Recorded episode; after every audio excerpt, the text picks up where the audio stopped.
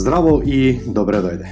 Јас сум Александар Кочовски и слушаш уште една епизода од мојот подкаст каде што зборувам за креирање на бизнис да ти служи, а не да му служиш ти нему. Секој успех има своја цена.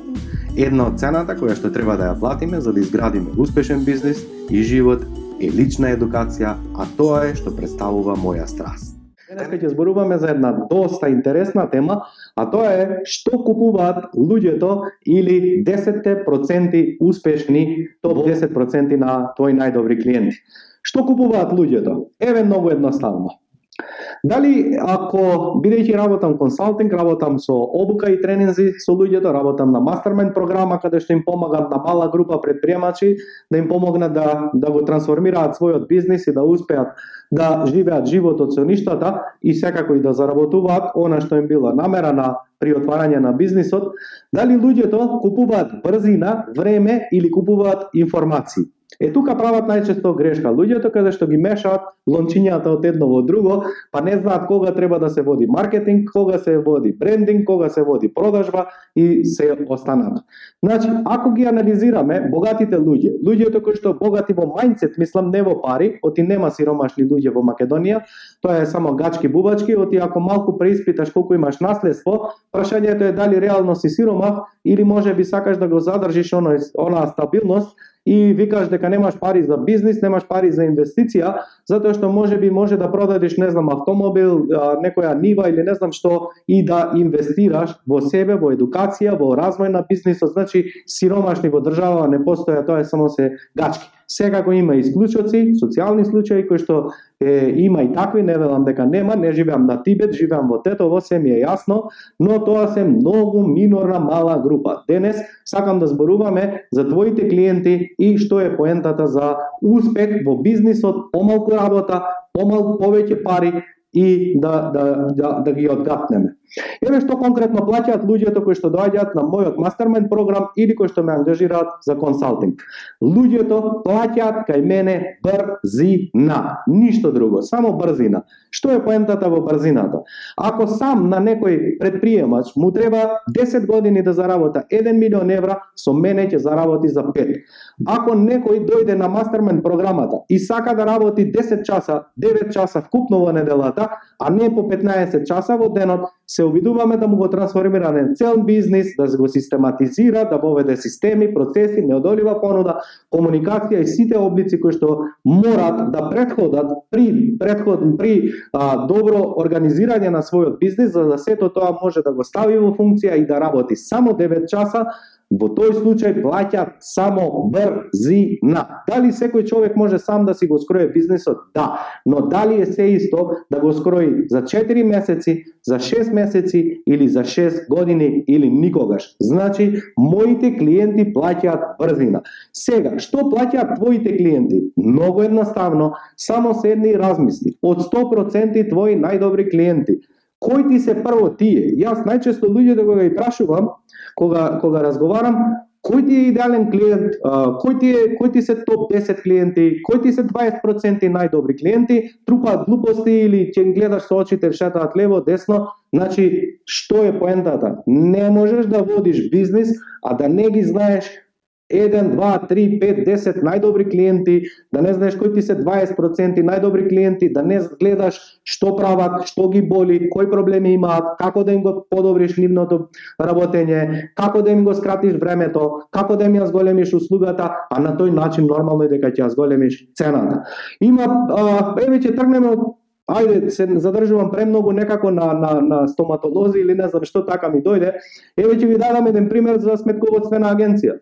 Има секоја просечна, а во секој град има 500 и викаш ти како да отперам и која е најдобра и што? Која е најдобра? Океј, мене ми се јасни кои се интерни параметри, кој кого познава, у не знам која институција, тоа е едно мерило, но ајде да видиме друго. А тоа е следно. Дали мораш ти да трчаш да носиш дневен промет? Дали мораш ти да трчаш да знаеш и да учиш сите закони? Дали ти мораш да трчаш да знаеш се што им следува на вработените, на документи, на што, на завршно, на вамо, на тамо и мораш ти постојано да губиш време по стопати да идеш да се гледаш со тој книговодител Или, од другата страна, оној книговодител може да застане и да размисли следно, а тоа е што им треба на топ 10 мои клиенти. Дали може би им треба јас да им се грижам за нивното, што можам да им помогнам да им го скратам времето? Па може би ќе ангажирам човек со електричен скутер, мотор, не е битно како, да поминува секој утро и да го зема за дневниот промет и да ангажирам истото лице да го носи по панка. Може би тоа ќе значи дека ќе му ги складирам сите документи на Google Drive или на неам појма кој Drive и дека сите образци ќе ги има на едно место, па кога што и да му треба тековна, ваква M1, M2, M6 образци, буквално да не ме малтретира и мене и себе, туку во секој момент да има клик и да пристапи до тие документи. Може би ќе биде следно, а тоа е да седнам и да размислам кои најчести прашања ми ги поставува, кои најголеми проблеми ги има, па да видам како тие се да ги обединам и да му го решам тој проблем. Значи, може би тоа ќе значи дека ќе се обврзам секој 6 месеци да му извадам нова тековна состојба. Може би ќе се обезбедам да му комплетирам документација, кога и да му дојде инспекција да праша која инспекција сте вие, па таа, супер, еве папката ги имаш комплет. Или не знам што. Значи, што е тоа што нив ги интересира? Да, кој обем е на компанијата, во која група спаѓа, во која шифра и се останато, што законот бара, што законот нуди, кои се можностите при вработувања, кои се поволностите за кредитирање, кои се поволностите за бесплатни услови, за не знам неповратни средства. Значи, ако мене клиентот ми значи и јас живеам со него, ако јас знам кој ми е мене идеален клиент, тогаш логично дека знам што го боли, кои проблеми има и како јас можам да му помогнам, а на тој начин и да заработам повеќе пари.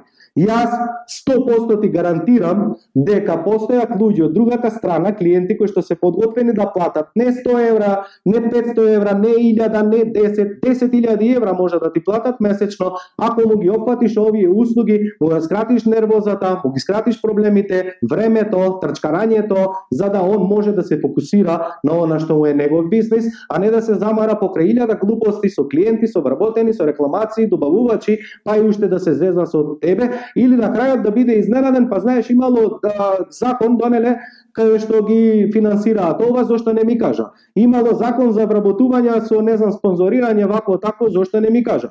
Или имало па, овај проект на UNDP, MUNDP, не познам кој DP, кај што давале гратис, неповратни средства, вакви такви, зошто јас да бидам изненаден или не знам што. Е па пријателе мој, Дали ти сакаш да работиш со 10 клиенти и да ти плаќаат како 100 клиенти, или ти сакаш да работиш со секој идиот и на крајот да се убиеш од работа и ти да не заработуваш.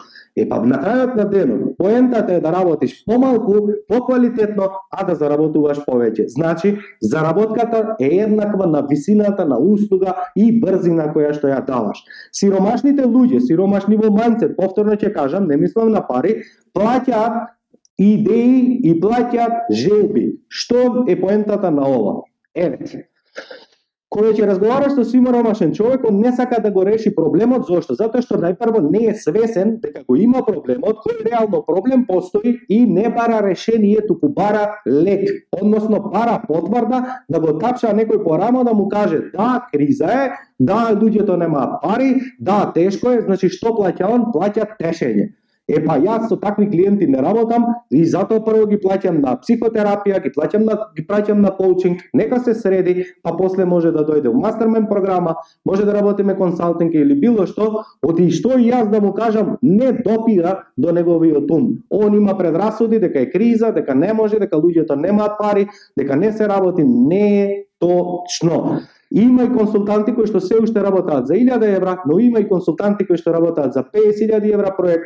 Има луѓе кои што работаат смешни пари, но ти бираш со кого ќе работиш, значи дали бизнисот е добар или не, си само ти крив и одговорен. Ако ти не размислуваш тогаш имаш забава, се убиваш од работа и мислиш дека бизнисот е многу тешко за работа, дека едноставно ти треба да се убиеш од работа, дека не знам луѓето нема пари, дека ти мора да спуштиш цена, значи спуштање на цена е пукање во нога, односно не знаење. Дали јас, ако мојот мастермен програм чини, не знам, 2000 евра за 6 месеци, и истото знаење можам да им го спакувам за 4 месеци и им го наплатам 4000 евра на луѓето. Дали луѓето ќе одберат побрзо да платат 6 месеци или ќе одберат 4 месеци? Месеци. Се зависи од мајндсетот кој што го носи во глава. Ако јас преку еден мастермен програм кој што чини 2000 евра, му помогнам да заработа 20, 100, 300 евра во текот на месецот или годината, дали јас му дали он инвестира во брзина или во желби. Желби може да има секој сиромашен, секој нормален човек. Секој човек на планетава има идеи, но на крајот на денот успешните, богатите предприемачи плаќаат време, плаќаат брзина и тие имаат идеи, не се само ти, туку знаат која идеја е во согласност со неговата визија, со неговите вредности, со неговите ставови, со неговите цели. Ако е во согласност, ја прифаќа супер, ако не ќе ја одложи. Знам дека луѓето учат најдобро од примери, па сега ќе ти кажам само да направиш една паралела за се да ти биде уште еднаш јасно што зборувам. Често пат сите од вас сте влегле барем еднаш во живото во веро и најчесто ќе ги слушнеш некои стуткани онадени со нели или пензионери, еве и ова се поскапело, леле што ќе се прави и ова е скапо, и ова го поскапеле, веро е најскапо, а, само веро знае за кого постои и може би веро уопште не е скапо, туку може би само ти не си во состојба да ја платиш таа услуга или производ. На веро мислиш ти дека не му е јасно колкави се цените во конкуренција или лево десно, или само се ова што се обидувам да ти го зборам толку години и време и денови, дека уствари веро знае за кого постои, за кого е позициониран и дека може би е позициониран за луѓе кои што плаќаат брзина, а не гледаат на цена. Дали јас имам време да снимам видеа, да снимам тренинзи, да пишувам книги, да објавувам трудови, да не знам, да држам обуки, тренинзи, чуда, да го, да го конкретирам програмот, да работам уште подобра вредност да им дадам на луѓето, или ја ќе шетам цел ден да видам зетинот да бил 22,4 пол или бил 23,7 и мене ја цел ден да ми помине или не знам сега еден список да имам за укам, еден список за устокомак, еден список за утротомак, еден список за уверо и ја на крај да се растурим на цело место. Не, идем кога господин Уверо, знам дека 10-20% е поскапо, ама знам дека мене ми треба брзина. Идем уверо, пуним колица, се враќам дома и се фокусирам на она што можам да им го дадам вред, најголема вредност на моите клиенти. Оти подобро е јас да изгубам 20% на 6000 денари, а 20% да им дадам многу поголема вредност на моите клиенти. На крајот на денот, они ме плаќаат мене за резултати, а не ме плаќаат за желби, И најмалку што сакам кога ќе излезат од соработка, без разлика дали зборуваме за консалтинг кој што веќе не работам или ќе излезат на мастермен да речат е сега ми е супер, сега се смирив, сега ми е подобро или сакам да речам кога ќе излезат да, добив 10 клиенти, зголеми продажба 50%, направив извоз, а, не знам, вработив 15 луѓе, сега работам 6 часа неделно. Значи, тоа е она што јас и во мојата глава е вредност која што сакам да им ја испорачам на луѓето и баш мене ми е гајле дали мастер мајндот чинот 500 евра, чинот 5000 евра, 10000 евра, точно знам кој е за во мастермајнд, а кој не е за во мастермајнд. Како знам? Ако работиш 10 години консалтинг, кој ќе се убиеш од работа и со едни, со други и со петти, која си ја цениш својата вредност и си способен и знаеш дека ќе ми ја испорачаш најдобрата резултати во најкратко време и дека ќе имаат резултати, дури имаш и гаранција на производ дека ако во рамките на тие 4 или 6 месеци не добијат резултат, дека имаат гаранција 100% да ги земат парите назад, Тогаш е многу едноставно.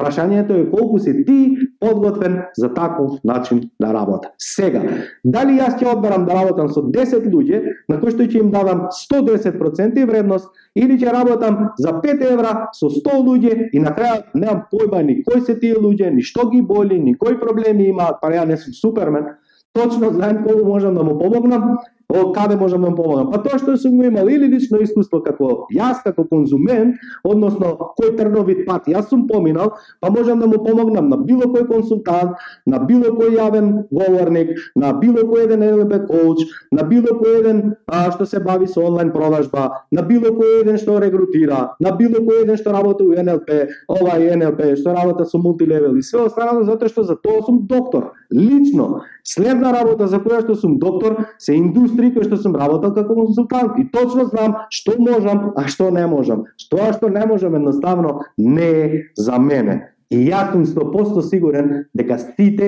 вие знаете кој е ваш идеален клиент, за кого постоите, со кого уживате да работите, што е на природно што ве влече. Епа пријателе мој, само тоа дај го. И ништо поиќе. Значи, не е веро скапо. Прашањето е дали ти можеш да си го дозволиш. Втора работа, имаш туристички агенции. И, и ја посебно ќе направам еден тренинг само за конкуренција да видите уствари дека не постои, дека е глупости, затоа што има само еден Александар и само ти си еден на светот, природава никогаш не прави дупликација, дури да сме еднојајчани признаци, ти ќе личиш на едниот, ја на другиот, сосема сме различни као, као небо и земја. Значи исто и конкуренција. Ако ако јас сметам дека по... ајде не зборам за конкуренција, тоа е друга тема. Океј, значи што е поентата? клиентите плаќаат време и плаќаат брзина. Богатите луѓе научиле на време дека Времето е еден нај, не, на, највреден ресурс. Само денеска е тој датум, толку часот и никогаш повеќе не се враќа назад. Они научиле дека парата нема вредност. Они многу добро знаат дека не работаат за пари. Оди. Оти ти ако испорачуваш вредност, ако да го работаш тоа со љубов, ако од другата страна испорачуваш 100% резултати, а потврда за тоа не си ти, туку зборовите и резултатите на клиентите нема шанса да не заработаш. Прашањето е дали ти се фокусираш на пари или се фокусираш на клиенти. Ако ти се фокусираш на клиентите, ако ти анализираш, окей, 15 луѓе денеска ме прашуваат за X. 15 луѓе ме прашуваат за Y. Од овие 15, колку ми се топ 10, колку ми се топ 20? Аха, значи се повторува. Тоа тебе ти е тешко, каже ми, да направиш список на тие 10-20 топ клиенти кои што ти се проценти, не 10 само, да одиш да испиеш едно кафе со нив сега пред нова година и да ги прашаш, ти благодарам за досегашната соработка, Благодарам што се секогаш доаѓате, се трудите и не знам што, јас сум перфектно задоволен. Сакам следната година да бидете уште пет пати позадоволни. Како можам подобро да ти служам? Секој еден мастермен тренинг, на крајот на секој месец, на своите учесници им праќам да ми дадат фидбек. Дали се јасни видеата, дали се јасни материјалите, дали се јасни вежбите, дали добиваат корисни информации, дали имаат подобрување во нивниот бизнис. Оти ако нема нешто од ова, Не е проблемот до нив, до мене. Некои работи што изгледаат за мене едноставни, може би само ги превидувам. Тоа што мене ми е едноставно да уклучам Инстаграм и да зборам до утре, за некого е стрес. Ја може да снимим тренинг како се разговара за јавен настап и да, да, да, да сосема да изумам дека устари човек има стрес, има страф од јавен настап и да се вратам 10 чекори назад. Но, како јас на моите клиенти, ќе им поставам прашање или како ќе им служам добро, ако јас не добивам од нив повратни информации дали е добро, дали не е добро, што е добро, што не е добро, за одма да направам промени како уште следната недела сето биде подобро. Но дали тоа ние реално го правиме или не? Кога последен пат отиде кај твоите клиенти да испиеш едно кафенце и да ги прашаш како ти можеш да им служиш подобро. Направи оваа вежба, уште утре, немој да чекаш, нека помина празнициве, малку луѓето се растрчани, не, тоа размислува сиромаштија. Богатите луѓе работаат посветено и кога има смртен случај на близок член, богатите луѓе работаат и просветените работни овај предприемачи работаат и кога е полен и кога не му е секако што треба и нормално дека на лепа брена не и се пее секој ден и на цеца. И нормално на Ричен Бренстон дека не му се плива секој утро. У 5 часот и не му се дига тегови. И нормално е дека на Джовак, Новак Ѓоковиќ не му се чука топче секој ден. И тие имаат денови кога им се работи, кога не им се работи, но знаат да одберат кои клучни работи мора да ги работаат сами, а кои останатите. Значи, на учение, направи список кои ти се 10-20% топ клиенти и уште утре одма иди да пиеш кафенце, направи празнициве малку анализа, како можеш да им служиш подобро, кога ќе им кажеш, кога ќе и собереш на есенција, како можеш да им служиш, кажем, супер, ама за ова треба уште плюс 20, 30, 50, 100%, 500% поголема поголема сума и да видиш дека луѓето и те како можат да ти платат. Но проблемот е што ти не знаеш како да пари. Луѓето купуваат од напред кога ќе добијат вредност, а не ај ти мене прво плати ми, а после ја ќе ти дадам услуга. Тоа е исто како да му речеш на ќумбето, ај прво ти мене заграми, па после ја тебе ќе те запалам. Не може. Маркетинг, информации, служење на луѓе, тоа е успех у бизнис. Све другото е забава и дрндрнјариња. Ти благодарам што одвои време да ме слушаш на овој подкаст Доколку сакаш да соработуваш со мене, најдоброто место е да се информираш за актуелните понуди е www.aleksandarkočovski.com и секако немој да заборавиш да се претплатиш на мојот ньюслетер, каде што исто споделувам бесплатни информации и навремено ќе дознаеш за сите бесплатни онлайн тренинзи.